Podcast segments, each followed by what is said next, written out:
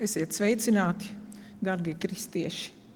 Esiet sveicināti arī tie, kas varbūt sevi neuzskata par kristiešiem, bet tomēr esat sveicināti šodien, Svētdienā. Gribu teikt jums lielu paldies par to, ka jūs esat atraduši laiku piedalīties šajā diskusijā, kas notiek Kristiešu vienotības nedēļas ietvaros.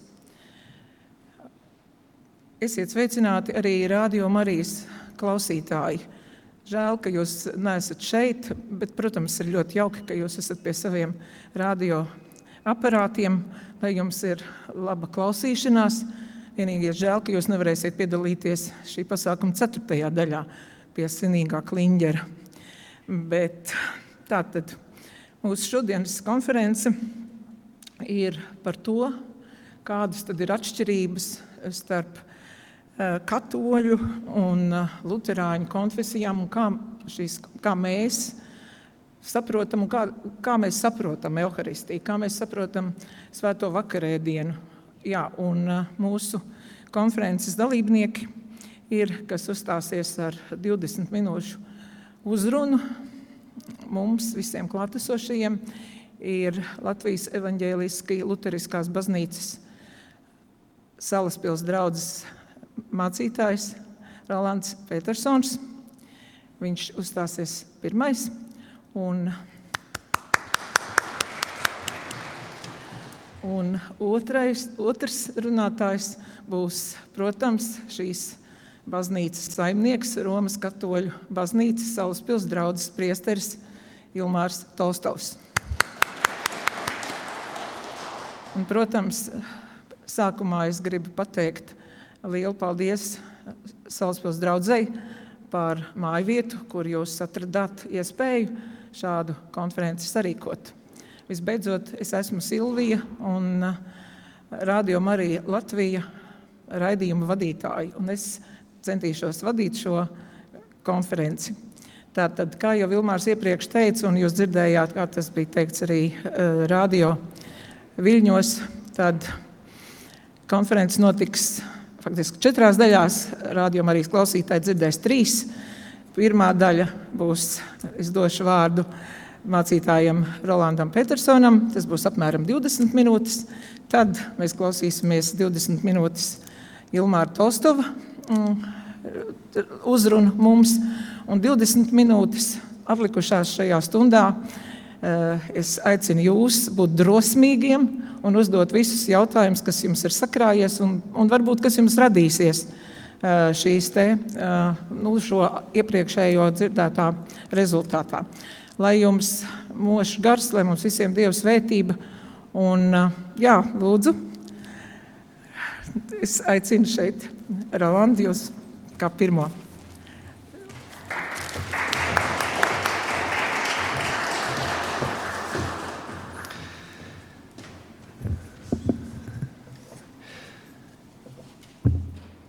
Dieva tēva mīlestība, Jēzus Kristus žēlastība un svētā gara sadraudzība, lai ir ar mums visiem šajā dienā. Mans vārds ir, kā jau dzirdējāt, Rolands Petersons. Es esmu Salaspils un Ropažu evaņģēliski luteriskās draudzes mācītājs. Vīrs savai brīnišķīgajai sievai, jā, es redzu viņu šeit, Dainai un tēvs mūsu trīs bērniem, brīnišķīgajiem bērniem, Jēkabam, Esterei un Paulai.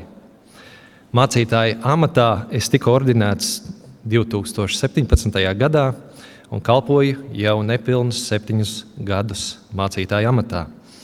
Esmu ieguvis bakalaura grādu teoloģijā Lutera akadēmijā un šobrīd studēju maģistrantūrā Fortveinas Konkordijas teoloģijas seminārā. Kristiešu vienotības nedēļas ietvaros es esmu uzaicināts šeit pie jums, Salaspils Romas katoļu baznīcā, lai dalītos ar Lutheriskās baznīcas izpratni par Svēto vakarēdienu. Šodien disputu par Svēto vakarēdienu es vēlos sākt ar vārdiem no apstuļa Pāvila vēstules efeziešiem, kur apstulis saka šādi: Viņš, tas ir Jēzus Kristus, dāvāja vispirms apstuļus, tad praviešus, evaņģēlistus, ganus un skolotājus, lai svētos sagatavotu kalpošanas darbam, lai tā veidotos Kristus miesa, līdz kamēr mēs visi sasniegsim vienotību ticībā un atziņā uz Dieva dēlu, līdz sasniegsim vīra briedumu, Kristus pilnības mēru. Tātad svētais vakarēdienas.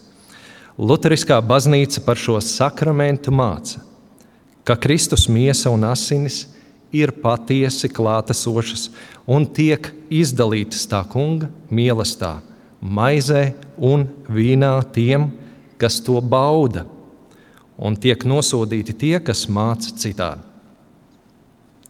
Svētajos rakstos šim svētajam sakramentam ir doti vairāki nosaukumi - maizes laušana, tā kunga mīlestības, tāpat arī evaharistija, kas nāk no grieķu valodas, komunija.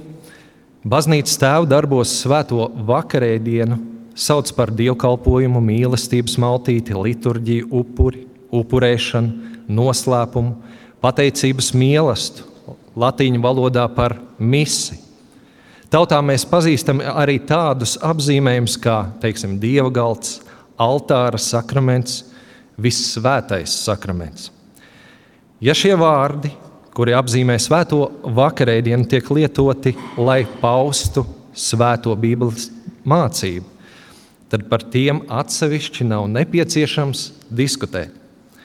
Svētā vakarēdiena notikums un iestādīšanas vārdi jaunajā derībā atrodami trijos evaņģēlijos - Mateja, Mārka un Lūkas evaņģēlijā, kā arī apakstuļa Pāvila pirmajā vēstulē Korintas draudzēji. Ik viens cītīgs teologs zina, ka svētajā vakarēdienā šie iestādīšanas vārdi katrā no šīm dotajām vietām nedaudz atšķiras. Tādēļ mēs nevaram runāt par pilnīgi vienādiem izteiktiem svētā vakarēdienu iestādīšanas vārdiem, bet mēs runājam par vienotu mācību. Kādi ir šie vārdi? Mūsu kungs Jēzus Kristus, tanī naktī, kad viņš tika nodots, ņēma maizi, pateicās, pārlauza un deva to saviem mācekļiem, sacīdams: Ņemiet un ēdiet, tā ir mana miesa, kas par jums top dota. To dariet mani pieminēdami.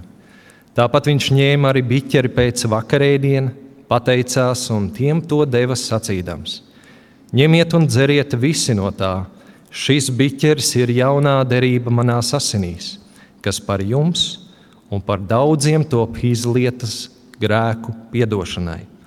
To dariet, cik kārt jūs to dzerat mani pieminēdam. Uzticoties mūsu kunga vārdiem, tāda ir arī Lutheriskās baznīcas mācība. Šeit mēs varētu likt punktu, bet ne viss ir tik vienkārši. Ieskaitot luterisko mācību kopumā, ir izplatītas četras mācības par Svēto vakarēdienu. Šīs mācības izriet no nu pat dzirdētajiem Jēzus Kristus, mūsu Kunga vārda skaidrojumiem. Pirmais skaidrojums ir simboliskais skaidrojums, ko pārstāv Baptistu skatījums. Ka svētais vakarēdiens ir tikai piemiņas mīlestības Vārdi ir tikai simbolizē Kristus miesu un asins. Viņi apgalvo, ka vakarēdienā ir tikai vīns vai vīnogu sula un maize, un savā kopībā viņi to bauda atceroties Kristu. Otrais ir reformātu skaidrojums, ka vakarēdienā Kristus vārdi ir, nav jāuztver burtiski bet tikai kā Kristus garīgā klātbūtne. Lai cilvēks patiesi saņemtu Kristus miesu un asinis, viņam ir jāpaceļas garā pie Kristus debesīs, lai arī ko tas nozīmētu, un svēto vakarēdienu jābauda tur. Trešā, nākamā ir Romas katoļu mācība, ka svētais vakarēdienas tiek saņemts tikai Kristus ka svētajā vakarēdienā tikai tiek saņemta Kristus miesa un asins. Maizei un vīnam saglabājot tikai savu ārējo izskatu, bet zaudējot savu būtību vai substanci. Un ceturtā ir Lutāņu mācība, ka Jēzus Kristus vārdi ir patiesi un burtiski saprotami. Un svētajā vakarēdienā mēs saņemam patiesu Kristus miesu un asinis maizē un vīnā.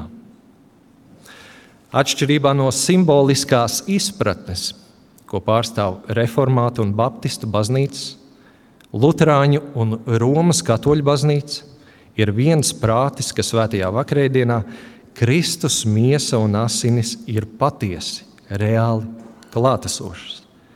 Lai pamatotu reālo Kristus miesas un asiņu klātbūtni, Romas katoļu un nereti arī Lutāņu vidū tiek lietots vārds substance.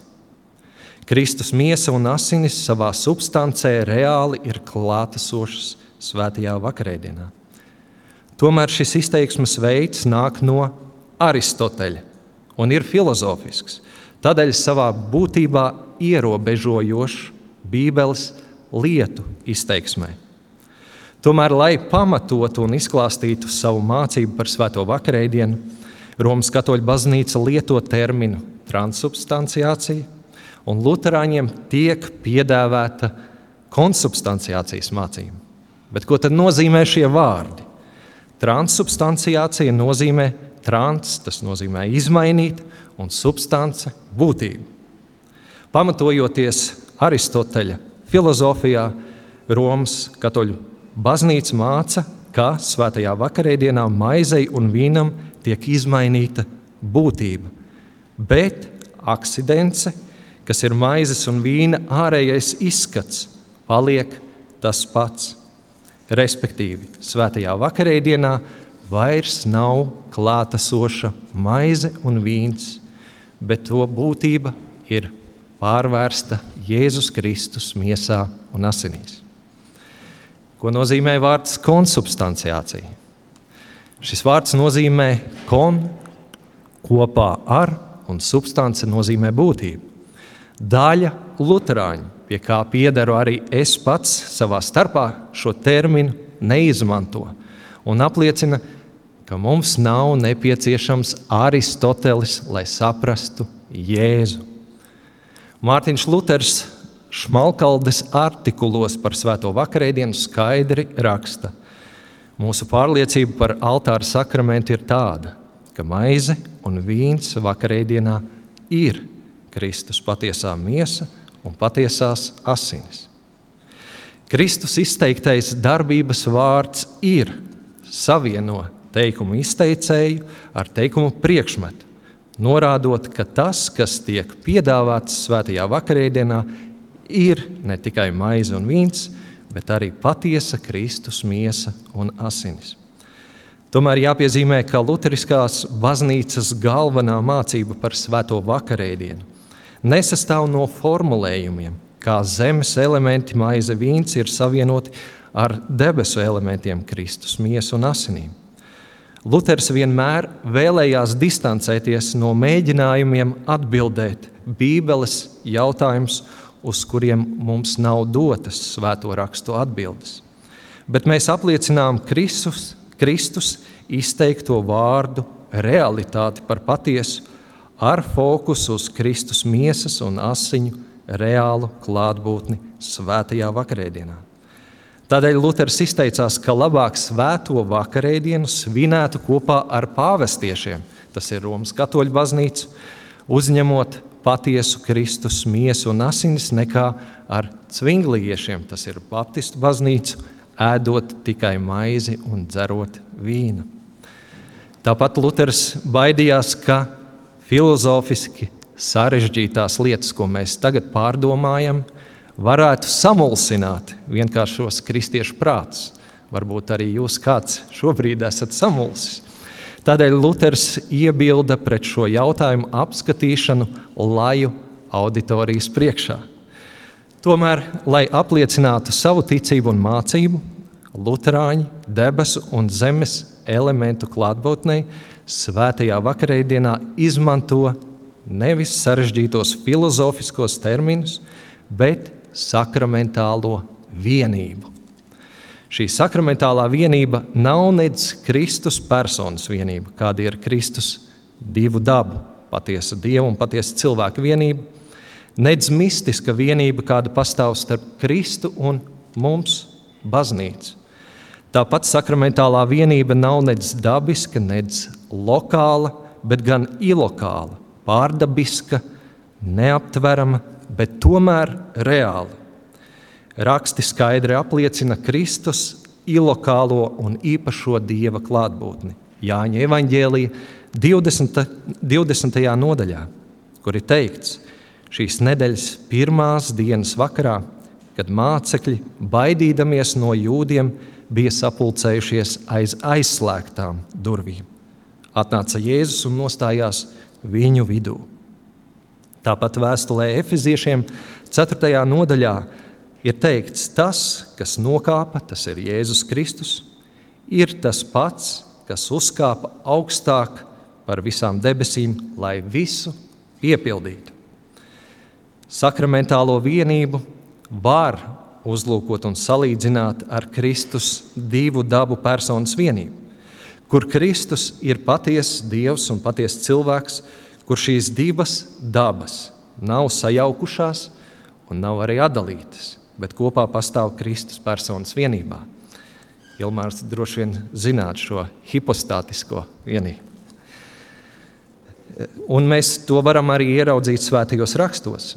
Lūkas evanģēlijā pirmajā nodaļā ir teikts, tad eņģelis Marijai atbildēja: Svētais gars nāks pār tevi, un visaugstā spēks tevi pārklās. Tādēļ arī kas dzims, būs svēts un tiks saukts Dieva dēls. Vai arī Jāņa evanģēlīja pirmā nodaļa, un vārds tapa miesa un mājoja mūsu vidū. Tāpat sakramentālā vienība ir vienība, kurai ir nepieciešams, lai elementi tiktu patiešām izdalīti, un komunikanti vai dievgaldnieki tos saņemtu. Jo sakramentālā vienība notiek vienīgi sakramentālā darbībā un ne ārpus tās. Mēs, Lutāņi, mācām, ka tikai tā konsekrācija, kura saistīta ar faktisko izdalīšanu un saņemšanu, kā to norāda Kristus, nodrošina mums Kristus miesas un asiņu reālu klātbūtni svētajā vakarēdienā. Ja elementi tiek vienīgi konsekrēti, bet netiek izdalīti un saņemti, tas nav svētais vakarēdienas Lutāņu izpratnē. Tāpēc mēs ticam, apliecinam un mācām, ka svētais vakarēdiens ir baznīcas sakraments, kas ir nevis cilvēku, bet dievišķi iedibināts un pavēlēts mums baznīcas liedošanai, kur mūsu kungs ir iedibinājis tajā naktī, kad viņš tika nodots. Un tam ir jāpaliek lietošanā līdz mūsu kungs Kristus nāks. Kā vārdi saka, to dariet mani pieminēdami, Un cik kārt jūs to, cik kārt jūs no šīs maizes ēdat un no šā biķera dzerat, jūs pasludiniet kunga nāvi, tiekams viņš nāk. Svētais vakarēdiens līdzās kristībai un evaņģēlija pasludinājumam. Lutheriskajā baznīcā tiek saukts par žēlastības līdzekli un pieder pie attaisnošanas vai grēka piedošanas līdzekļiem.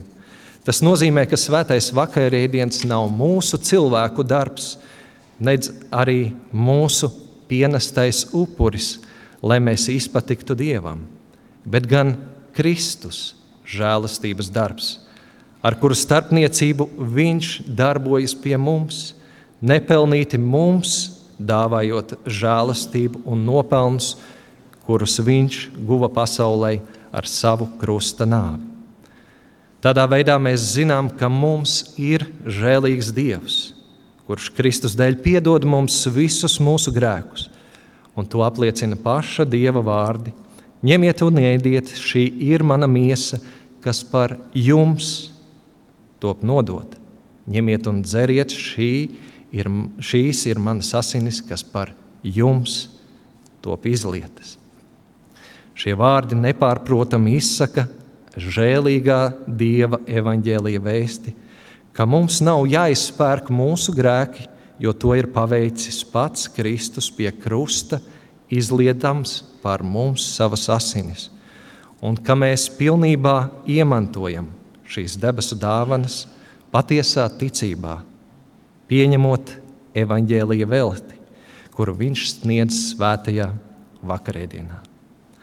Lutāņi tic, māca un apliecina, ka kunga vakarēdienā Jēzus Kristus ir klātesošs kā krustā iztais, kas mīris par mūsu grēkiem un augšām cēlies mūsu taisnošanai, kā vienreizējs upuris par pasaules grēkiem. Šo upuri nevar turpināt, nevar atkārtot, ne aizstāt, ne papildināt, bet gan tas var un tam ir jākļūst spēkā ar vien no jauna draudzes vidū. Ar mūsu Kunga Jēzus Kristus vārdiem ēdiet un dzeriet. Kristus nepārprotami parāda vakarēdienas saņemšanas veidu, tā ka mēs patiesi saņemam Kristus miesu un asinis ar muti, orāli.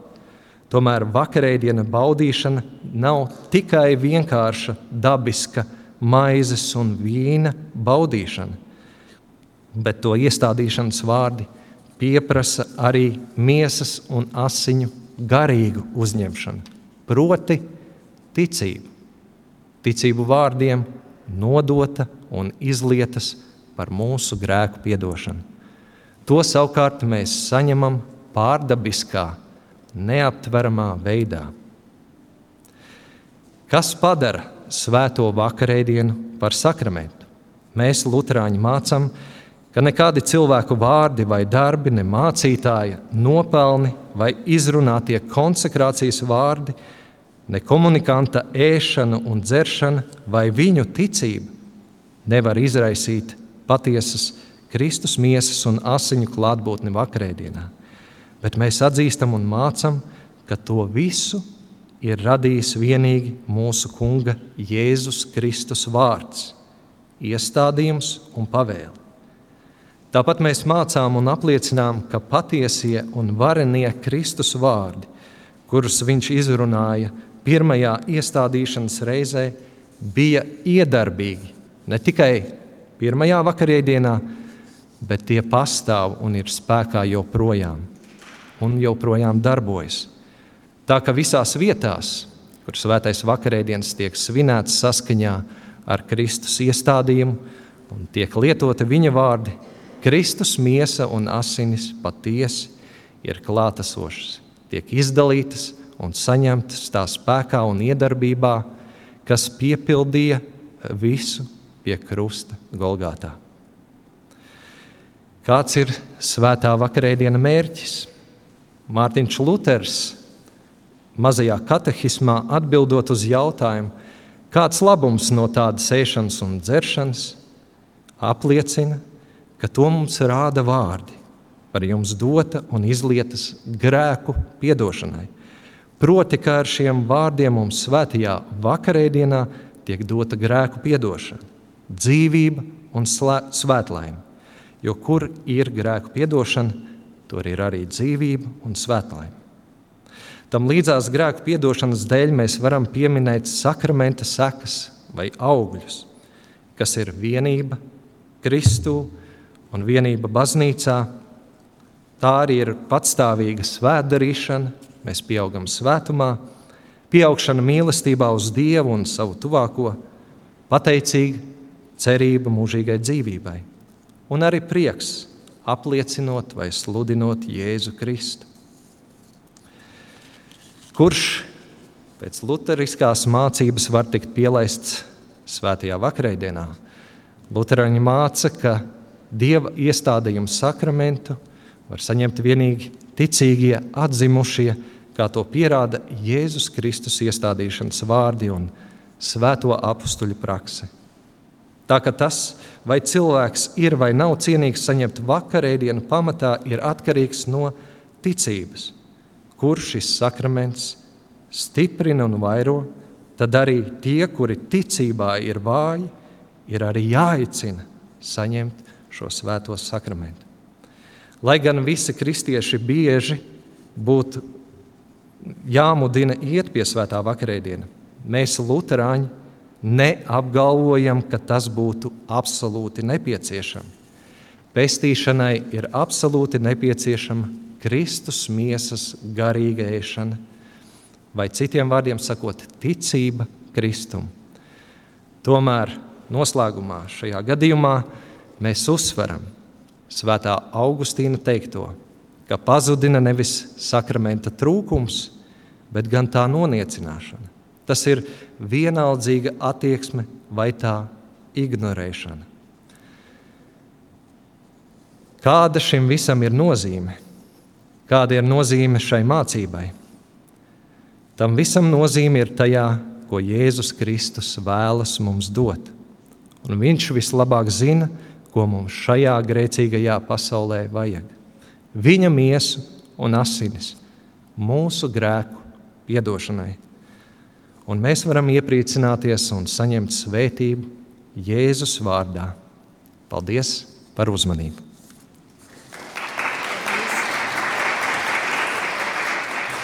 Paldies, mācītāji! Precīzi 20 minūtes. Un kā nākošais, jā, viņš gan aizteicās kaut kur prom.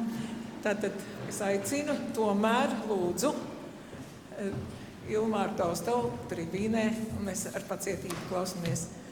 Tiešām uzmanīgi klausāmies, jo man šķiet, ka būs daudz jautājumu. Man noteikti jau ir. Tā kā esat drosmīgi un pierakstiet kaut kur, jā, lai mums pēc tam tās pēdējās 20 minūtes būtu arī interesanti savā starpā diskutēt. Lūdzu, Ilmār. Priesteris Ilmārs Tolstovs, Salaspils Romas katoļu draudzes prāves. 30. janvārī svinēšu 19 gadus, kopš esmu priesteris. Esmu absolvējis ķēguma pamatskolu, Vecbabra lauksaimniecības tehnikumu, Latvijas lauksaimniecības universitāti kā mērnieks un arī Latvijas Pontificālās Universitātes Rīgas teoloģijas institūtu iegūstot bakalaura grādu un, protams, Ljubljanas Katoļu Universitātē maģistra grādu un teoloģijas doktora grādu. Lielas paldies Lutāņu mācītājiem. Ļoti daudz skaistas lietas centīšos neatkārtoties tajā, kas jau tika dzirdēts. Atsaukšos uz Vatikānu otro koncilu, kas uzsver, ka tajā naktī, kad viņu nodeva, mūsu pestītājs pēdējo vakariņu laikā iedibināja savas miesas un asiņu evaharistisku upuri, lai savu upuru uz krusta darītu mūžīgi klātesošu gadsimtu gaitā. Tas nozīmē, upuris netiek atkārtots, bet viens un tas pats Kristus upuris tiek aktualizēts, jeb caur anamnēzis, jeb pieminēšanu darīts klātesošs.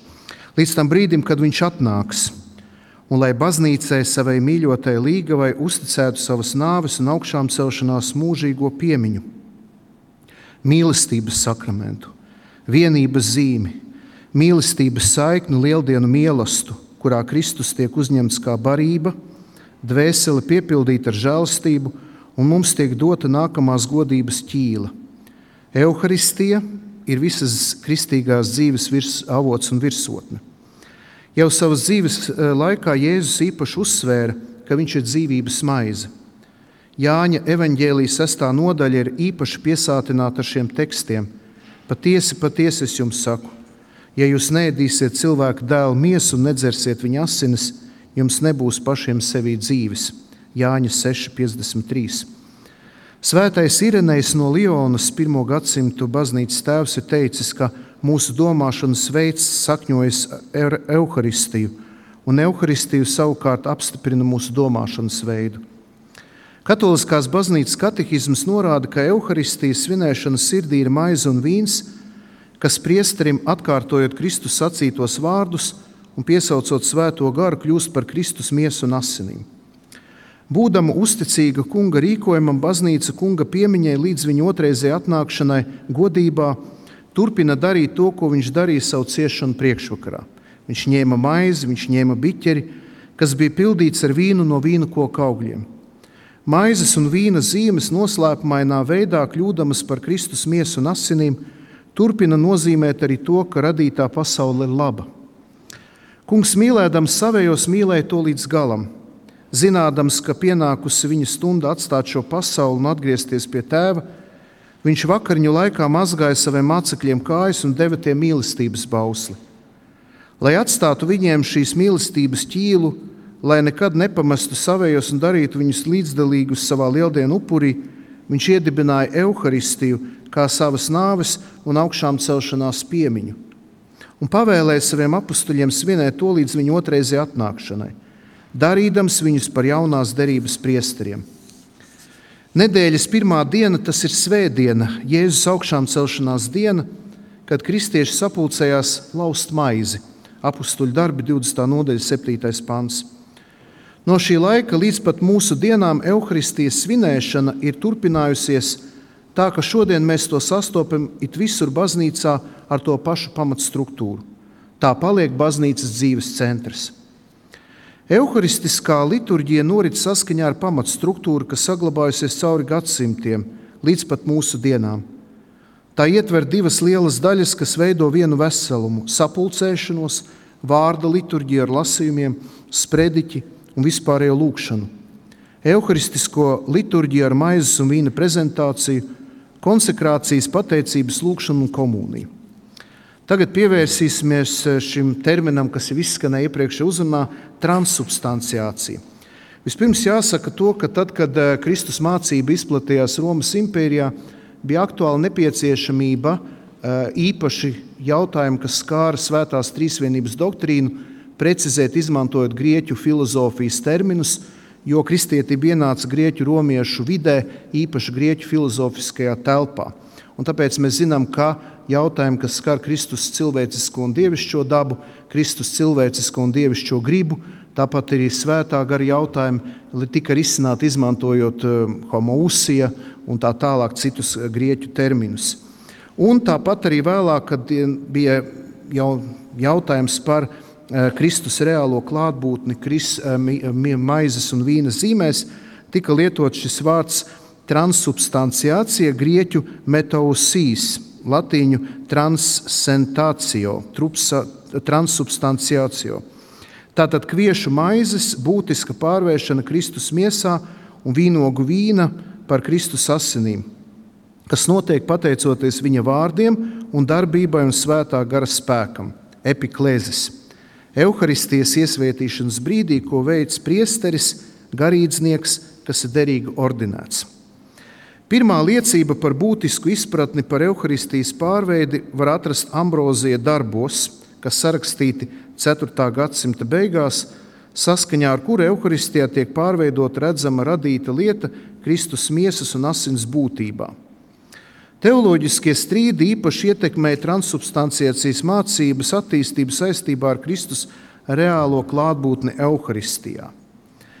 Bija tāda poretāna skola, tika ieviesti termini substance un akcidents, substancija, akcidencija, kas 12. gadsimtā plaši izplatījās teoloģijā. 13. gadsimtā transubstanciācijas doktrīnas attīstību veicināja arī Alberts Lielais, Akvīnas Toms, Bonaventūra, Džons Skuts. Skots. Savukārt to apstrīdēja Okams, Viklifs, Hus un arī Mārtiņš Luters, kur uzskatīja to par izsmalcinātu izgudrojumu, kas būtu jāizstāj ar patiesību par Kristus miesu un asins līdzās pastāvēšanu kopā ar maizi un vīnu un maizē un vīnā.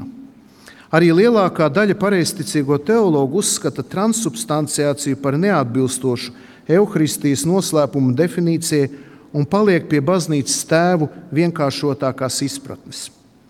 Pirmo reizi oficiālos baznīcas dokumentos mācība par evaharistiskās transformācijas būtību tika formulēta 1079. gadā.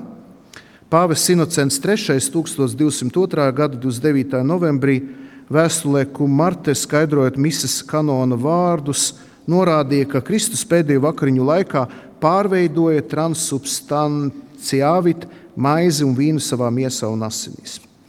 Pāvesta doktrīna tika apstiprināta Tridents koncilā ar 1551. gada 11. oktobra dekrētu De Sanctissimo Christie Sacramento un tika uzskatīts par pareizu, lai evaharistijas pārvēršanu sauktu par transubstanciāciju. Tika arī uzsvērts, ka caur konsekrāciju notiek pilnīga maizes matērijas pārvēršanās par Kristus miesas substanci un vīna matērijas par viņa asins substanci. Mazliet atkāpjoties no teksta, pavisam vienkāršotā veidā, lai paskaidrotu šo Aristoteļa domu, ir tā, ka tātad pieņemsim, ka šim te šai ambonai ir koka substance, bet akcidents tas ir izskats, kā viņi izskatās. Mežā aug koki, kuriem ir koka substance, bet akcidenti viņiem ir zari, nu tā tad pavisam citādāks izskats. Un tad eh, baznīcas mācība ir tāda, ka tad, kad priesteris izstiep rokas pār maizi un vīnu, eh, tātad šis maizes un vīna akcidents paliek, jeb ārējais izskats, garša, tas jau nemainās. Mēs jau ne, nesākam just Kristus miesu un asini, bet substanciāli tas nozīmē pēc būtības tajā vairs nav uh, maizes un vīna, uh, vīna substance. Tā tad notiek nevis akcidentāli, bet substanciāli izmaiņa. Jo dabā nav iespējama īsti substanciāla izmaiņa, tāpēc ka koku nozāģējot mežā un uztaisot pa šo ambonu, substance koks nepaliek. Ja? Tā tad notiek substanciāla izmaiņa, un tas ir šis aristoteliskais princips. Pāvests Pāvils VI 1965. gada 3. septembrī encyklikā Mysterium Fidei uzsvēra, ka līdz ar maizes un vīna substances pārtapšanu par Kristus miesu un asinīm tiek saglabāts to formas, zem kurām viņš ir klātesošs savā veselumā, viengabalainībā un ķermeniskumā, bet savādāk nekā citi ķermeņa dabā. Pēc pāvesta domām, pēc pārvēršanas maize un vīns var iegūst jaunu nozīmi, transsignifikāciju un iegūst jaunu mērķi, transfinalizāciju, jo tie kļūst par jaunu realitāti, kurā notiek ontoloģiska to būtības izmaiņa. Kas var pieņemt evaharistiju, svēto komuniju? Kas necienīgi šo maizi ēdīs vai dzers kunga biķeri, tas noziegsies pret kunga miesu un asinīm, saka apustulis Pāvils 1. vēstulē korintiešiem 11. nodaļā. Turpinu bet lai cilvēks pats sevi pārbauda un tā, lai ēd no šīs maizes un dzer no šī biķera. Jo kas ēd un dzer necienīgi, tas neizšķirdams kunga miesu, ēd un dzer sev tiesu. Citāta beigas. Tiem, kas apzinās, ka ir smagi grēkojuši, pirms iet pie svētās komunijas, ir jāpieņem gandarīšanas sakraments. Tātad nāvīga, smaga grēka stāvoklī katoļu baznīcā svēto komuniju pieņemt ir aizliegts. Jebkas to dara, tas e, iegūst svētdzību, jeb noziedz pret kunga miesu. Saskaņā e, šī sakramenta diženuma priekšā ticīgam atliek vienīgi pazemīgi un ar kvēlu ticību atkārtot vārdus, kurus sacīja centrions. Kungs, es neesmu cienīgs, ka tu nāktu pie manis, bet saki tikai vārdu, un mana dvēsele kļūs vesela. Saskaņā ar evaharistijas jēgu pienākas, ka ticīgie ir cienīgi pieņem komuniju reizes, kad piedalās svētajā misē. Baznīca uzliek ticīgiem par pienākumu svētdienās un svētku dienās piedalīties dievišķajā liturģijā un pieņemt evaharistiju vismaz vienreiz gadā, ja iespējams lieldienu laikā. Gandarīšanas sakraments sagatavotiem. Taču baznīca dedzīgi iesaka ticīgiem pieņemt svēto komuniju svētdienās un svētku dienās, vai vēl biežāk pat katru dienu.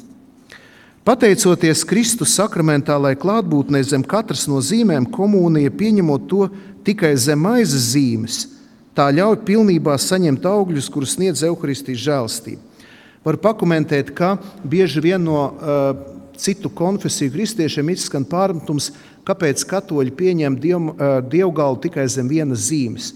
Jo viena no Mārtiņa Lutera tēzēm bija tāda, ka ir vajadzīgs pieņemt dievgalu zem divām zīmēm tad jāsaka to, ka Tridents koncils noteica, ka Kristus ir reāli klātesošs katrā maizes, ja tā var teikt, gabaliņā, katrā hostijas gabaliņā un katrā vīna lāsē. Līdz ar to derīgi pieņemot, pieņemot vai nu vienu vai otru zīmi, mēs pieņemam visu Kristu. Bet pēc Vatikāna otrā koncila baznīca tomēr uh, izteica, ka pilnīgāk šīs evaharistiskās zīmes ir izteicamas, ja viņas pieņem zem divām zīmēm. Tāpēc, piemēram, mūsu baznīcā dievkalpojumā katru svētdienu 14. dievgalds tiek dots zem divām zīmēm, maizes un vīna zīmes.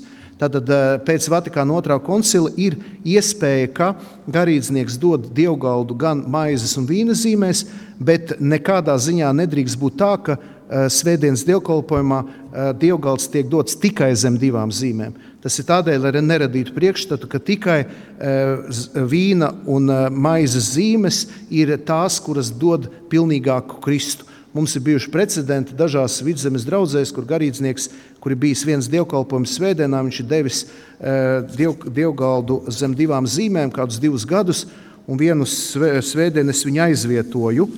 Un uh, iznāk tā, ka es jau nezināju, ka viņš dod zem maizes un vīna zīmēm, un es devu tikai svēto komuniju zem maizes zīmēm. Un pēc dievkalpojuma ienāca pie manis Zakristijā delegācija un teica, ka es esmu iedevis tikai pusi Kristus. Un es viņiem lasīju Tridents koncila dekrētus, un viņi bija sašutuši. Tad es pats savām acīm praksē redzēju, ko nozīmē, ka tu eh, radi šādu precedentu, jo mūsu baznīcā tad ir noteikts, ka uh, parastā dievgalda dalīšana ir zem vienas zīmes, bet īpašos gadījumos, atsevišķos dievkalpojumus, mēs dodam arī zem divas, divām zīmēm, norādot, ka abi šie veidi ir pieņemami. Un abos veidos, vai nu pieņemot tikai vienu vai otru zīmi, Kristus ir klātsošs. Mums ir cilvēki, kuri nevar pieņemt, kuri nevar ēst maizi, ir tāda speciāla slimība. Un ir bijis gadījumi, kad mēs dodam tikai vīnu, ja, mazu, mazu, iedzert mazu malku vīnu, jo cilvēks nevar pieņemt maizi, viņam ir kā, nu, ne, nespēja pieņemt maizi. Ir tāds dokuments, kas iznāca nesen no konflikta uz kopību. Viņš arī tulkots latviešu, un 153. un 158. numurā ir dot atbildi, kā eh, risināt arī šo jautājumu, kas skar eh, šo dievmaizes pieņemšanu, dievgaldu pieņemšanu. Jautājums par Jēzus Kristus patieso klātbūtni svētajā vakarēdienā Lutāņu Katoļu vidū nerada domstarpības. Lutāņu un Romas katoļu dialogs par evaharistiju spēja atzīt, ka luteriskā tradīcija atzīst katoļu tradīciju, proti, ka konsekrēti elementi nepaliek vienkārši par maizi un vīnu, bet gan radošā vārda spēkā tiek pasniegti kā Kristus miesas un asinis. Šajā kontekstā Lutāņi var reizēm runāt par pārtapšanu, kā tas pieņems grieķu tradīcijā. Jēdziens anamnēzes pieminēšana ir palīdzējis atrisināt domstarpības jautājumā par to, kā pareizi saistīt Jēzus Kristus vienreizēju upuri ar svēto vakarēdienu. Dievkalpojumā pieminot dieva glābšanas darbus, tie svētā gara spēkā paši kļūst klātesoši, un draudzene, kas svin, ir saistīta ar tiem cilvēkiem, kas agrākos laikos paši ir piedzīvojuši glābšanu. Šādi jāsaprot Kristus pavēle svētajā vakarēdienā, pasludināšanā viņa paša vārdos par savu glābojošo nāvi, viņa rīcības atkārtošanā vakarēdienas laikā notiek pieminēšana, anamnēzis, kurā Jēzus vārdi un glābšanas darbi kļūst klātsoši. Tātad katoļi neatkārto Kristus vienreiz upuri, kā dažreiz to maldīgi uzskata eh, brāļu māsas Lutāņi, bet mēs aktualizējam, jeb pieminam memoriāli šo upuri, kas ir vienreizējs un kura pieminēšana dara klātesošu upuri. Un noslēdzot šīs pārdomas, vēlos atbildēt uz jautājumu, kāpēc katoļi nevar doties uz Lutāņu baznīcu, pieņemt svēto vakarēdienu, kāpēc Lutāņi nevar katoļu baznīcā pieņemt svēto komuniju. Jo mēs jau šeit eh, vairāk vai mazāk runājam, ka mums ir plus mīnus kaut kādā ziņā līdzīga izpratne par to. Bet problēma tāda, ka dievgalda kopība ir dziļi saistīta ar eklezioloģiju, jeb izpratni par to, ka Kristus ir vēlējis dibināt baznīcu un pats arī mājo baznīcā. Četros veidos - Dieva vārdā, garīdzniekā, evaharistiskajā zīmēs un Dieva tautā. Pat ja abas konfesijas uzskata, ka maizes un vīna zīmēs ir reāli klātsošs Jēzus Kristus, tad komunijas pieņemšana varētu notikt tikai tad, kad ir hierarhiskā vienotība biskupu starpā jo baznīcas tēvi ir teikuši, kur ir, baz, kur ir biskups un evaharistie, tur ir baznīca. Bet, diemžēl, institucionāli eh, mēs vēl neesam vienoti. Katrā katoļu svētajā misē tiek pieminēts Romas pāvis, kā apstuļu galva un vietējais biskups, kurš ir īstais evaharistijas celebrētājs. Katoļu baznīcā katru misi svin biskups. Priesteris ir tikai viņa aizvietotājs, jeb roku pagarinātājs. Tāpēc, kamēr nav vienotība starp biskupiem un netiek atzīts pāvests, mēs nevaram eh, nu, būt vienoti šajā, eh, šajā evaharistijā. Kaut arī dažos gadījumos Romas katoļu baznīca ļauj pieņemt svēto komuniju luterāņiem, tā ir tā saucamā dievgalda kopība, bet tie ļoti atsevišķi gadījumi ar biskupu un pāvestu atļauju. Cits jautājums ir pareizticīgiem, jo mēs atzīstam pareizticīgo eh, nu, teikt, hierarhiju, un pareizticīgiem mēs drīkstam dot svēto komuniju, un pareizticīgie drīkst nākt pie mums pie dievgalda, ja viņam nav iespējams tikt klāt pie sava garīdznieka. Jo starp katoļu un pareizticīgu baznīcu, baznīcu mm, šajā eklezioloģiskajā izpratnē, hierarhijas izpratnē ir daudz lielāka vienotība. Tā kā, ja tā varētu teikt, ja izdotos eh, rast vienotības momentu starp katoļu un pareizticīgo baznīcu, starp šīm divām baznīcām būtu iespējama tā interkomunija jeb dievgalda vienotība,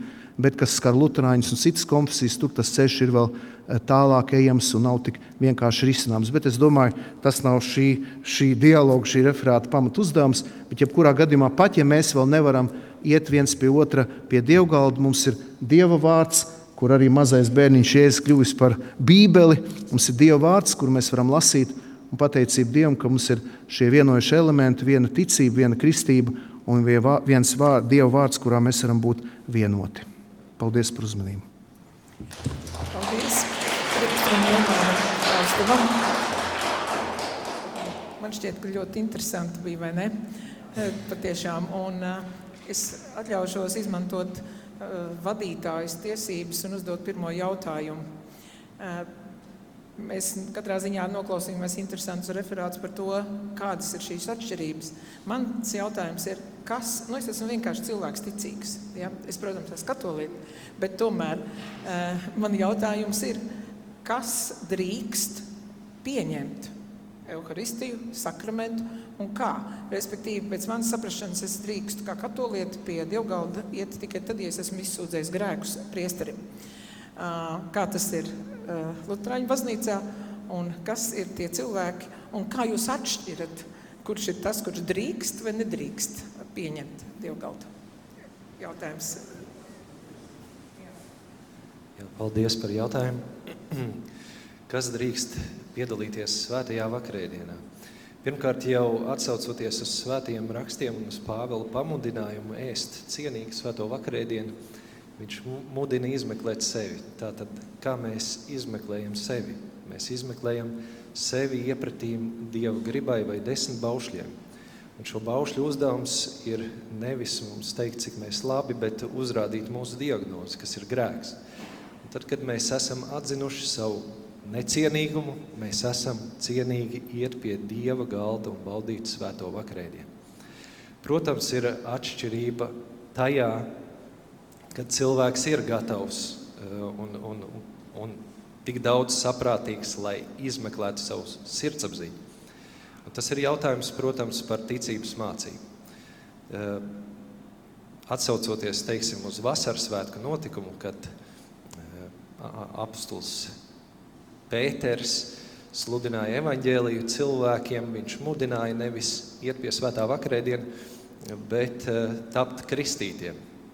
Un līdz ar to arī priekšnoteikums vēl līdzās tam, lai cilvēks varētu baudīt svēto vakarēdienu, ir ne tikai zināšanas par desmit baušļiem, par pamatmācībām, bet arī ja, cilvēkam ir jābūt kristītam. Tas varbūt varbūt tādā īsumā, bet eh, jā, puslīdz. Paldies, es iedošu Jānu teikt. Tad, um, man ļoti patika viena doma, ko es patiesībā izlasīju ļoti nesen, ka tad, kad katolis izdara nāvīgu grēku, smagu grēku, jo mēs izdalām ikdienišķu nāvīgu grēku, nāvīgs grēks tas ir Dieva baušļu pārkāpums nopietnā lietā, viņš sevi, it, nu, nevis it kā, bet viņš sevi izslēdz no baznīcas. Tā nav tāda svinīga izslēgšana baznīcas, bet viņš ar grēku atdala sevi no kopības.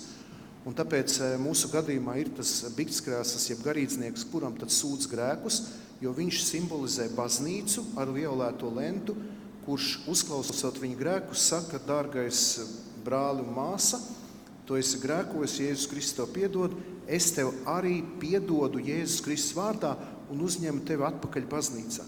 Līdz ar to šeit redzams, ka eh, katoļu baznīcā ļoti spēcīgs šis eh, baznīcas institucionālais raksturs, kas nozīmē, jo pirmajos gadsimtos eh, lieli grēcinieki gāja priekšā, draudzes priekšā un publiski sūdzēja grēkus. Un draudzene tad izlēma, piedot vai nepiedot viņam.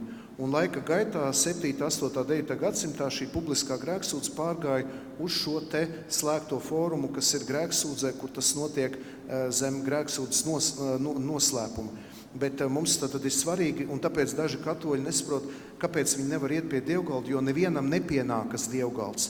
Ja kāds saņem dievgaldu, jeb svēto komuniju, tā ir dieva dāvana. Tas nav mūsu nopelns.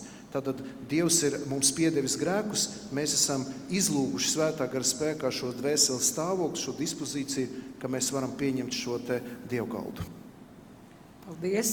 Es noteikti saņēmu izsmeļošas atbildes droši ceļot rokas, es nākšu klāt un, uh, būšu, Un es domāju, ka mūsu priesteris un mācītājs ir gatavs uz atbildēm. Droši, esat drosmīgi. Nu, taču noteikti ir kāds jautājums. Jā, lūdzu, stāties priekšā. Modra Krause, uh, Salaspils Luterāņu draudzes dalībniece, locekle.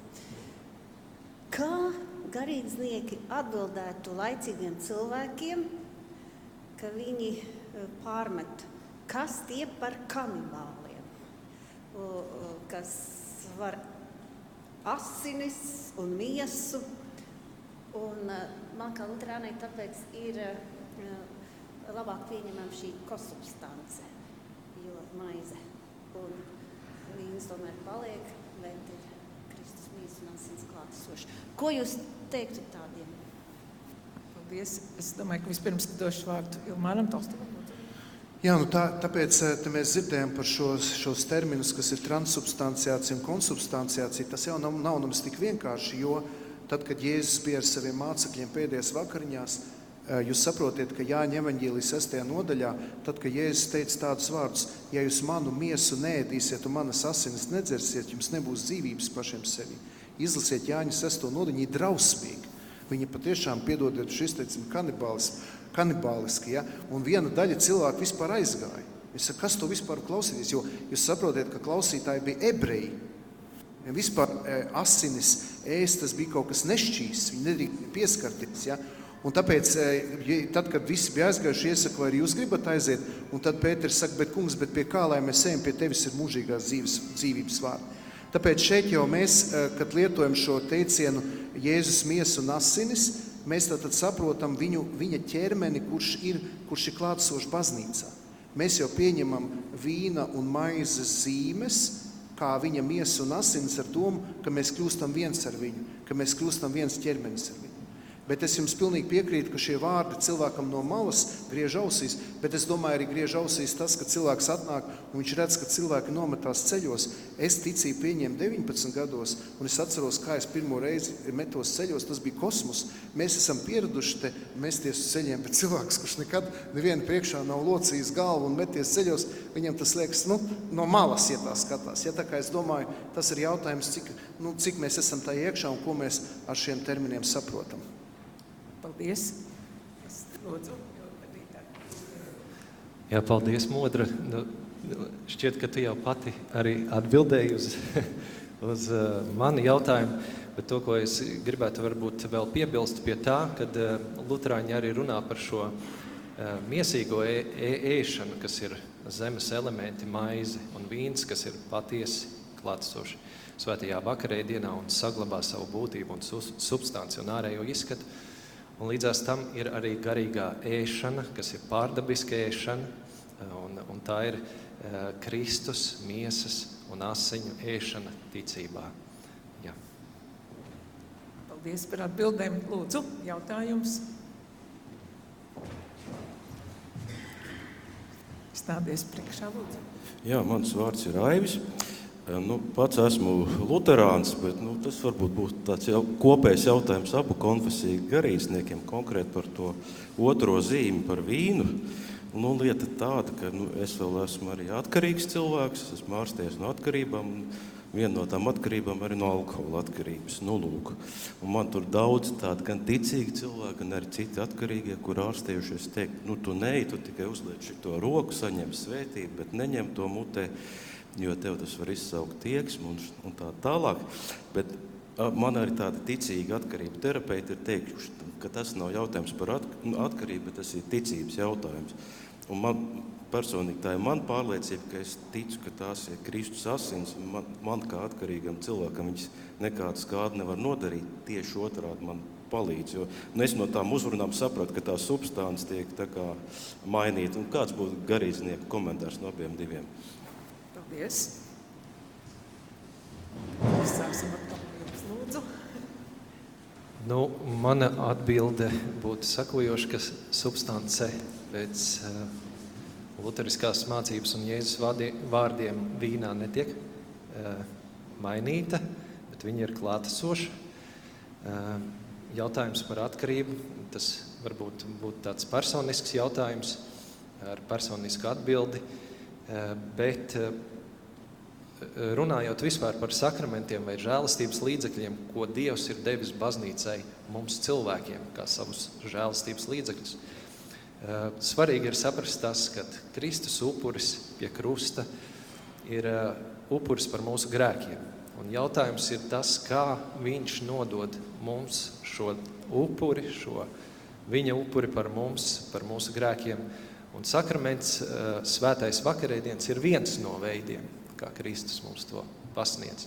Tāpat tās līdzās tam ir svētā kristība, arī absolūcija, grēksūdze līdz ar to, un arī evaņģēlīja pasludinājums. Tā kā Dievs mūs, mūs nav apdalījis šajā gadījumā tikai ar svētā vakarēdienu saņemšanu, kad viņš mēģina nodot mums savu krustu uzvaru tikai caur to. Tā, kā, tā varbūt būtu mana atbilde, bet, protams, tas ir personisks jautājums un, un, un personīga atbilde. Tā kā, jā. Jā, nu, mums, protams, tas, ka nu, daudz pieņem zem šīm vienas zīmes, ja, tad mēs varam pieņemt tikai sētu komuniju, bet mums ir garīdznieki, kur ir alkoholiķi, un, diemžēl, diezgan daudz, kur ir, nu, ir tādi dzeroši garīdznieki, kas ir aktīvi dzērāji, bet ir tādi, kur ir alkoholiķi, bet vairs nelieto. Un, un tad šie garīdznieki, viņiem ir atļauja no Romas, ka viņi drīkst lietot vīnogu sulu, kas ir ļoti pārsteidzoši, bet tā arī ir, tāda, tāda speciāla atļauja var saņemt. Tā, kā, nu, tā ir diemžēl liela problēma, bet, kā jūs teicāt, tas arī, protams, ticības jautājums. Bet nu, dažos gadījumos arī ar piemēram, jau mūsu eh, konfesijas gadījumā, ja dievgalda svētā komunija dota zem vienas zīmes, kā dieva maize, tad eh, garīdzniekam ir obligāti jāpieņem vīns. Obligāti. Viņš nevar pieņemt, uh, svinēt svēto misi bez vienas no zīmēm. Un, piemēram, bija gadījumi, kad es aizmirsu vīnu, paņemt, tas skrien uz tuvāku veikalu pēc pudeles, jo bez vīna nevar svinēt dievkalpojumu vai arī bez maizes. Bet tad uh, viņi šie garīdznieki speciāli saņem atļauju uh, svinēt uh, svēto misi ar vīnogu sulu, uh, lai varētu tādā veidā, jo ja, ja mēs katoļu garīdznieki katru dienu svin dievkalpojumu, tad tas var būt diezgan problemātiski tam cilvēkam, kurš uh, cīnās, jeb izdzīvo Eh, nu, mēģina, nu, mēģina būt skaidrā, skaidrībā, eh, pats būdams alkoholiķis. Paldies! Lūdzu, droši. Stāvat uz priekšā. Eh, Kā, Kārlis Romas katoļu draudze. Katoliskā baznīcā mēs godinām visvētāko sakramentu, kurš ir, kurš ir altārī, tiesim, tad ir konsekrēts, un, nu, bet nu, vēl tajā brīdī nu, viņš nav vēl, pie, nav vēl pieņemts, cilvēks nav pieņēmis viņu. Nu, kāda ir situācija, kāds ir tas status tai, tai dievmaizītē, par kuru ir tie konsekrācijas vārdi izteikti nu, tiksim, nu, no Lutāņu baznīcas? Tas varbūt Lutāņu mācītājiem vairāk jautājums. Paldies! Jā, mācītāji, labi. Jā, kā jau minēju savā priekšlasījumā, ka par vakarēdienu padara Jēzus Kristus, mūsu kunga vārdi, kurus viņš ir izteicis svētajā vakarēdienā, kad bija to svinēja ar saviem mācekļiem. Tātad uz jautājumu, kā Lutāņi uzlūko adorāciju, Lutāņi vakarēdiena adorāciju uzlūko sekojoši. Ka Kristus mums ir devis svēto vakarēdienu ar, ar sakramentālu darbību, ēst un dzert. Un ārpus šīs sakramentālās darbības mums nav ne dievu apsolījumi, nedz arī pavēles, lai mēs to darītu, un arī mēs ko saņemtu. Līdz ar to mēs, Lutheriskā baznīca, paliekam uzticami tam, ko kungs ir pavēlējis darīt, tas ir ēst un dzert, un mēs pie tā arī pieturamies. Jā. Jā, es savā uzrunā nepieskāros visam šim kultam, kas ir izveidojies 16. gadsimtā pēc reformācijas, kad bija, kā te bija runa arī, kad ir baptistu baznīca, citas, kas sāk apšaubīt Kristus reālo klātbūtni Euharistijā, tad katoļu baznīcā īpaši Spānijā uzplauka tas saucamais euharistisko adorāciju procesiju kults, kad tika izstādīts sakraments monstrancē, monstrāri speciālā zeltītā trauciņā, milzīgie gājieni, piemēram, Salaspilī lieldienu rīta astoņos, trīsreiz ap baznīcu skan zvans un priesteris Ilmārs saņem sūdzības, ka lieldienu rītā, kad putniņi čivina, te staigā apkārt baznīca ar zvanu skanot. Jā, tātad arī tas, ka mēs uzglabājam tabernākulā šajā seifiņā visu laiku Jēzus Kristus pārvērsto maizi, jo katoļu baznīcā ir deg sarkana uguntiņa, un tas nozīmē, ka tur ir klātesoši 24-7 pārvērsta šī maize kā Kristus miesa. Un arī starp citu 16. gadsimtā radās tradīcija pacelt dievmaizi un rādīt, jo pie pareizsīgu baznīcā nav šāda tradīcija, bet tas viss bija tieši reformācijas rezultātā kā protests, pretstats. Ak, ja jūs tur sākāt šaubīties, nu šeit jums, mēs jums vēl parādīsim. Ja? Tāds kaut kādā ziņā tur ir mazliet kontrreformācijas tādas iezīmes, bet no otras puses mēs kā katoļi esam ļoti pieraduši pie šīs, pie, pie šīs demonstrācijas, pie šīm procesijām, adorācijām, bet tas nav no pirmsākumiem, tas radās vēsturisku uh, apstākļu rezultātā. Paldies! Lūdzu, drosmīgās rokas. Jā, stāvieties priekšā. Labdien! Artūrs, Katolis. Cienījamais jautātājs pirms manis gandrīz no mēles man noņēma jautājumu. Man viņš ļoti līdzīgi skanēja, bet arī pie cienījamā mācītāja Rolanda vairāk viņš tā kā būtu. Bet mazliet no citas puses jūs pieminējāt tieši šo ticīgo uzlūkošanu, ja? kad nu, vakarēdiena. Bet ka jūs, ka utrāņi tieši rakstos ir norādīts ešanai un dzeršanai. Ja? Kā jūs arī savā priekšlasījumā stāstījāt par šiem nosacījumiem, kad tas ir ēdiens, kad ir nu, nosauksim, komunijas pieņēmējs, ja? tad tā ir tā uh, dieva maize. Man jautājums tīri praktisks. Ir dievkalpojums, ir cilvēki iet pie vakarēdiena. Viņi ir atnākuši trīs cilvēki pie vakarēdiena, ir, ir palikus konkrēts vīna un maizes daudzums. Jautājums. Mēs varam viņu izbarot baložiem, tā ir tikai maize vairāk palikusi. Vai ne? Viņai nav vairāk nekādas sakrālas būtības, jo tīri uz to ēšanas brīdi Kristus ir. Es arī mazliet, nu, tur cits jautājums jau. Varbūt pēcāk viņu uzdošu. Jautājums šis bija tīri tāds vai šī maize vairāk tiešām neko ar vīnu nenozīmē. Var viņu nu, teicu, izbarot malošiem vai vienkārši apēst līdz galam un tā, bet ka, nu, vairāk nekādas īstas nozīmes nav. Paldies! Nāc. Es varbūt varētu atbildēt ar pretjautājumu, vai jūs visu maizi vienmēr, kad nopērkat, izbarojat baložiem? Tad es saprotu, ka šis bar, šī baložu replika ir nedaudz ar tādu ironiju. Bet svētais vakarēdiens ir tad, kad mēs darām to, ko Kristus ir pavēlējis. Ārpus tā svētais vakarēdiens vairs nav svētais vakarēdiens. Un tas vienmēr ir jautājums, ko mēs darām pēc tam ar to, kas svētajā vakarēdienā ir palicis pāri. Un ne tikai maizē un vīnā, bet arī ar ūdeni. Mēs šos elementus cienīgi izlietojam. Ne atdodot baložiem vai mētājot apkārt, bet cieņā pret to, kad mēs esam šo, šo maizi un vīnu svinējuši kunga mīlestību. Mēs turpināsim dialogu. Rādījuma arī ir atslēgusies. Nu, kā var, ja kāds vēl baidies uz jautājumu, tad var droši būt, jo tagad vairs nav translācija. Paldies! Jā, nu, lūdzu, vēl kādu jautājumu. Jūs teicāt, ka jums vēl ir. Labi, kamēr jūs domājat? Jā, labi. jo man ir jautājums, bet tas laikam būs beigās. Lūdzu. Es esmu Jūlija. Es esmu katolīte arī. Un man ir jautājums par rūpēm par tiem cilvēkiem, kuri nevar, nevar tikt uz baznīcu, lai piedalītos dievgaldā. Kā, kā ir iespējams, vai viņi saņem, vai viņi saņem dievu maizi un kā tas, kā tas reāli Lutāņu baznīcā izskatās, vai, piemēram, ir aizbraucot pie viņiem, vai tad viņiem ir viņa personīgais dievkalpojums, lai tajā brīdī notiktu konsekrācija un viņi saņemtu to dievmaizīti. Paldies! Paldies par jautājumu! Jā, es arī saprotu, ka tas ir turpinājums jūsu jautājumam pēc vakarēdiena, vai šis vakarēdiens arī, teiksim, ir iespējams dot diakonam, kas apmeklē slimniekus un pasniegt viņam eh, šo vakarēdienu? Un atbilde, protams, ir jā, un tā ir sena baznīcas tradīcija. Mēs eh, to lasām jau Didahē, eh, kā, mēs, kā vispār, vismaz tiek apliecināts apstuļu mācībā.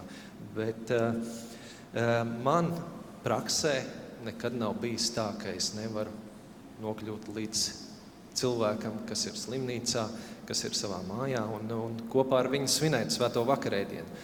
Un jā, es apstiprinu, ka kur divi vai trīs, tur arī Kristus mūsu vidū, un mēs varam svinēt svēto vakarēdienu, es varu pasniegt, viņš var saņemt un baudīt. Jā.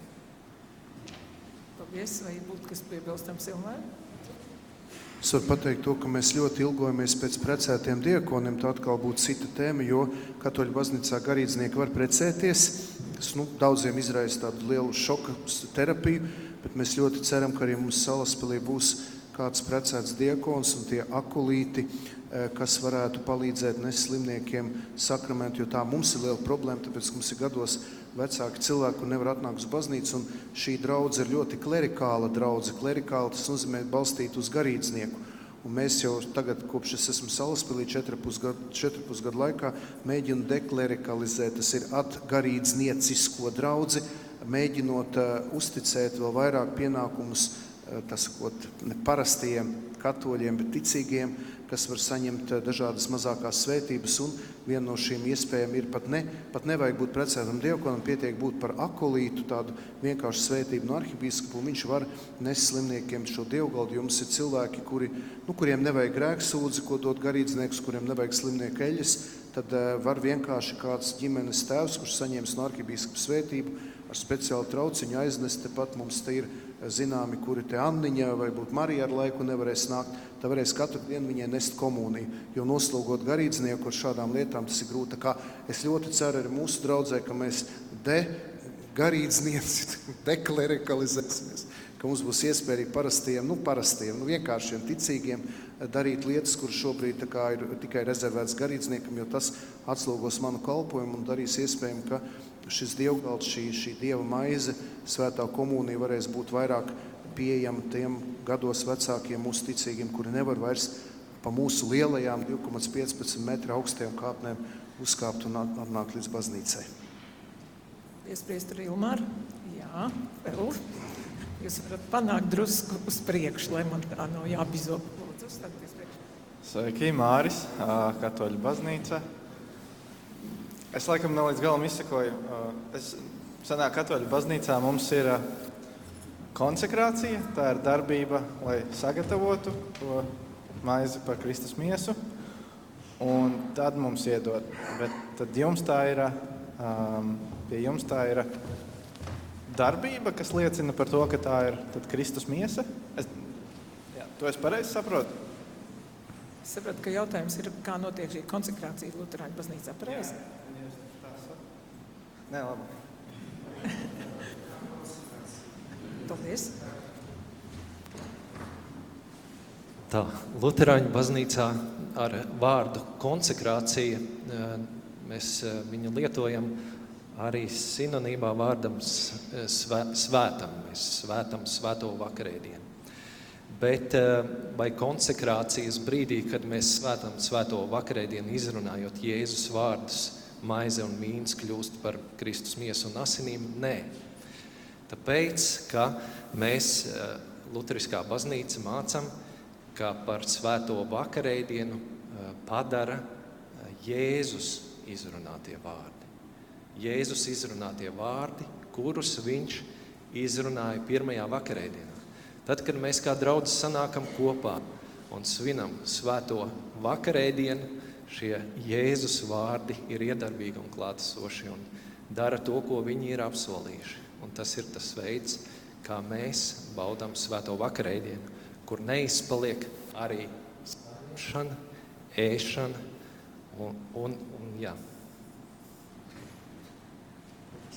Jā, un šeit es atkal varu pateikt, ka te arī ir mūsu konfesionālā atšķirība, jo katoļu baznīcā ir gandrīz tā kā tu teici, ka mums ir mazliet cita uztvere, jo katoļu baznīcā garīdznieks, kad viņš tiek iesvētīts, jeb konsekrēts, viņš kļūst dievkalpojuma laikā par alteru Kristu.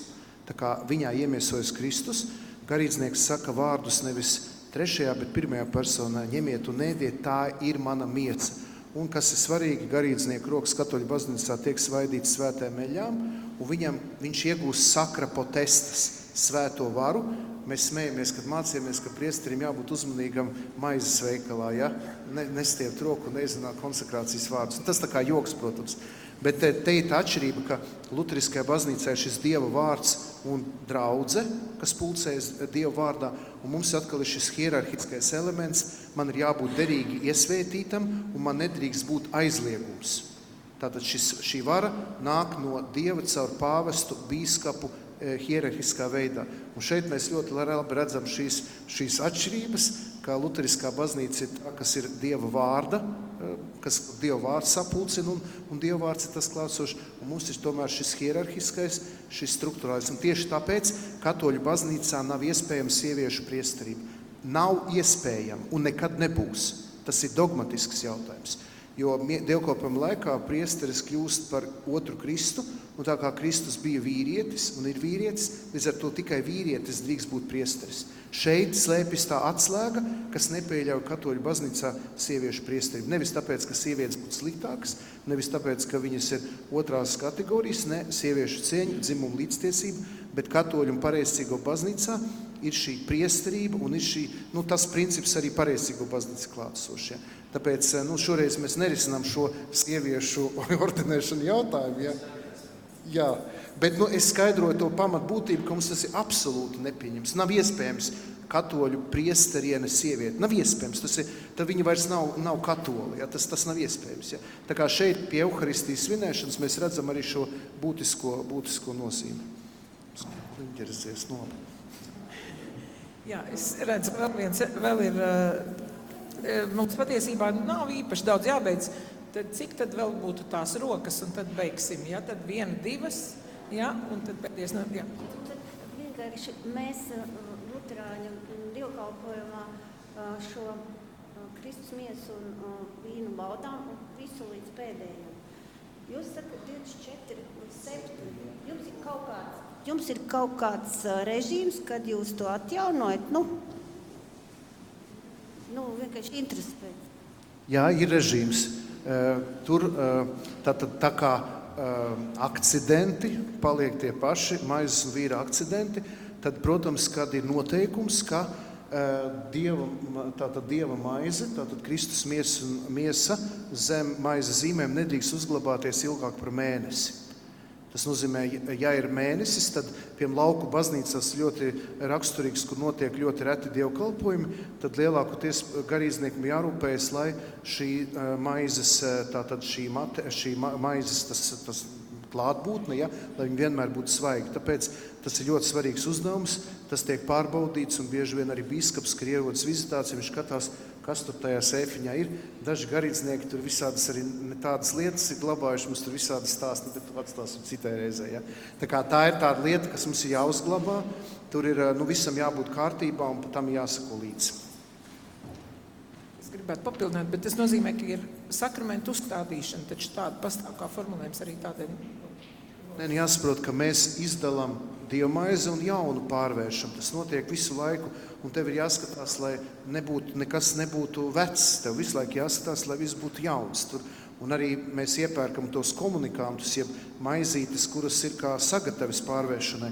Ir jāsako, lai viss būtu svaigs. Tātad tam priesterim ir jāsako līdzi, lai tās lietas, lai vīns nebūtu saskābis, sastāvējies vecs, lai maize būtu vienmēr svaiga, neraudzēta, kādu mēs lietojam. Jā, tātad tās zīmes ir ļoti svarīgi. Un es, es teikšu tā, piemēram, jūs redzat, man lieldienu svece ja, stāv, un eh, viņi ir no gan īsti tīra vaska. Un man šausmīgi kaitina, kad kādi simboli vai zīmes, kas tiek izmantot liturģijā, tie, tie zīmes un simboli tiek ņemti visprastākie. Nē, Dievam vajag dot viskaistāko. Tāpēc zīmēm un simboliem ūdenim jābūt tīram, vīnam kvalitatīvam, maizei labai, jo mēs jau Dievam dodam to labāko, nevis to, kas mums paliek pāri. Paldies!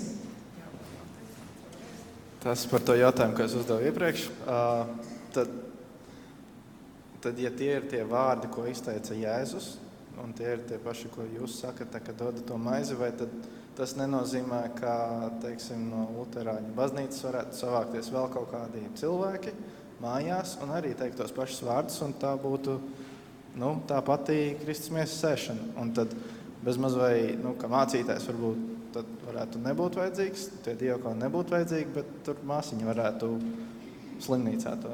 Nu. Paldies! Paldies par jautājumu.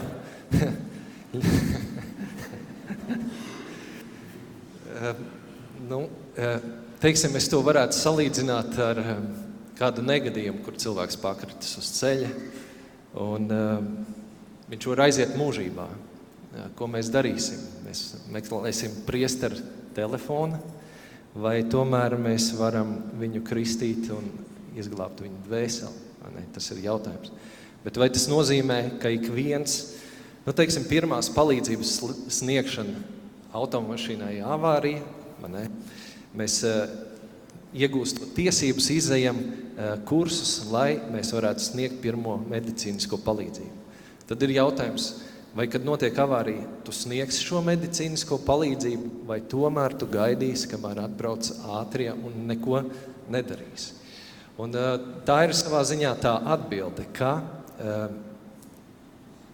ekstrēmos gadījumos ik viens uh, luteriskās draudzes loceklis var eh, konsekrēt svēto vakarēdienu, eh, nevis konsekrēt, bet svinēt svēto vakarēdienu, un eh, viņš var arī kristīt.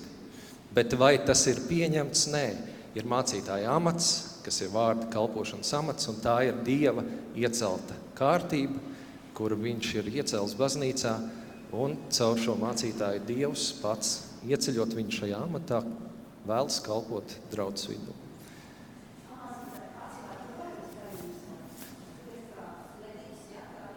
Jā, starp citu, modra ir mediķis, un, ja cilvēks iet mūžībā, arī modra var pasludināt evaņģēlīju. Tas ir grēku piedošana. Ir cilvēki, kas atzīst savu vainu un meklē priesteri.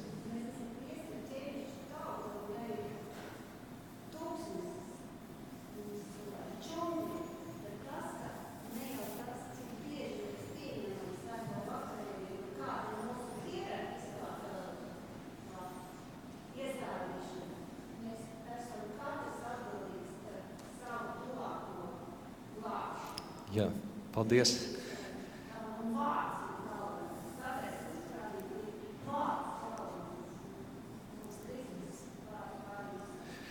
Jā, paldies. Es vēl gribēju piebilst, ka tomēr uh, ir svarīgi arī uh, vārds, klausīties vārdu, kā Dievs arī iedibina šo garīgo kalpošanas amatu un to cienīt un godāt un saprast, ja tā nav pirmā palīdzība, tad mēs uh, tad mēs darām, kā Dievs to ir pavēlējis. Un, protams, kā ķēnišķiem priesteriem ehm, mums Dievs ir daudz dāvājis baznīcai. Un mēs arī luterāņi sakam, ka Dievs mums baznīcai ir dāvājis mācītāju amatu. Nevis mācītāja amats ir kāda nošķirta garīga kārta. Bet vēl pēdējo piebildi arī kara laikā luterāņi, luterāņi kas bija eh, kādās eh, nometnēs, kā kara gūstekņi svinēja. Tā arī svēto vakarēdienu bez mācītāja klātbūtnes. Viņi izraudzījās no viņa vidus vienu cilvēku, kurš tad arī uh, bija tas, kas vadīja šo svētā vakarēdienu notikumu.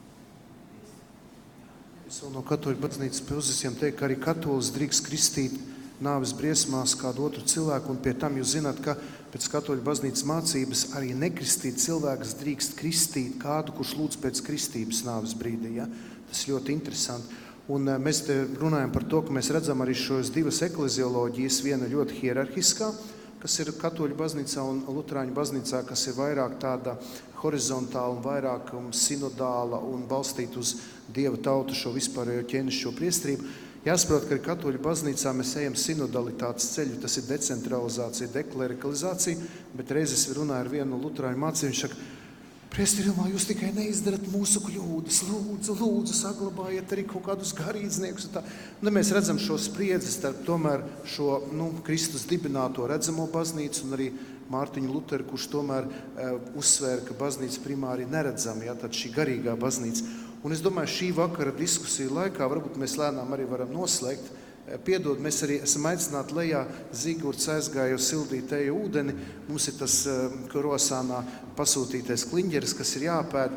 Dosimies lejā uz draudzes telpu. Tur varēsim vēl privāti padiskutēt. Bet ko es gribu teikt, ka šī diskusija arī bija tāds mērķis satikties, parunāties, redzēt atšķirības. Mēs šovakar neatrisinājām visas teoloģiskās problēmas, bet mēs izgaismojam tās vietas, kur mēs redzam, kur ir atšķirības bet tomēr bija jūtams, ka mums ir ļoti daudz kas kopīgs. Viena kristība, viena ticība, eh, Dieva vārds, ja? Jēzus, protams, kas ir centrā, ja? un tā ir mūsu bagātība. Tā kā es būtu arī noslēgšu tagad beigās, kad eh, mēs salaspēlē esam, nu, tā ir dāvana, ka mēs esam šeit, ka mēs esam Kristus sekotāji, un eh, Dievs ar uz mums, es domāju, raugās ar lielu cerību uz mums katru, gan uz mūsu šeit garīdzniekiem. Es arī nākamnedēļ tikšos ar Eh, pareizsīgo priesteri Borisu sazvanījos. Nebija viegla sazvanīšanās, bija tāds pagrūts tas brīdis, bet es ļoti ceru, jo es gribu arī ar viņu tikties. Nu, būtu svarīgi mums eh, meklēt šo kopīgo, meklēt šo, šo garīgo atbalstu, un tādā veidā mēs varam padarīt salaspili skaistāku un gaišāku. Noslēgsim ar kopīgu tēvreizes lūgšanu, un tad es tiešām aicināšu lejā, apēdīsim beidzot to kliņģeri un padzersim tēju. Paldies, Tev, Kungs, par šo kristiešu vienotības nedēļu, par to, ka varam būt kopā, ka varam dalīties un lūdzam arī tā, kā Tu esi mūs mācījis. Mūsu Tēvs debesīs, svētīts lai top Tavs vārds, lai nāk Tava valstība, Tavs prāts, lai notiek kā debesīs, tā arī virs zemes. Mūsu dienascho maizi dod mums šodien, un piedod mums mūsu parādus kā arī mēs piedodam saviem parādniekiem, un neieved mūsu kārdināšanā, bet atpestī mūs no ļauna, jo Tev pieder valstība, spēks un gods mūžīgi mūžos. Amen. Dieva tēva un dēla un svētā gara vārdā. Paldies! Nākošais gads iesim pie Lutāņiem. Jums ir jāizdomā, ko interesanti ar mums izdarīt. Un tad eh, var iet tepat gar lejā, gar toleti, tur durtiņas vaļā, vai arī vienkārši apkārt baznīcai gar mūsu slaveno zvanu, un tur ir norāda draudzes telpas. Kur jau nevēlas paldies visiem par tikšanos. Paldies arī Silvijai par vadīšanu. Paldies arī mācītājiem.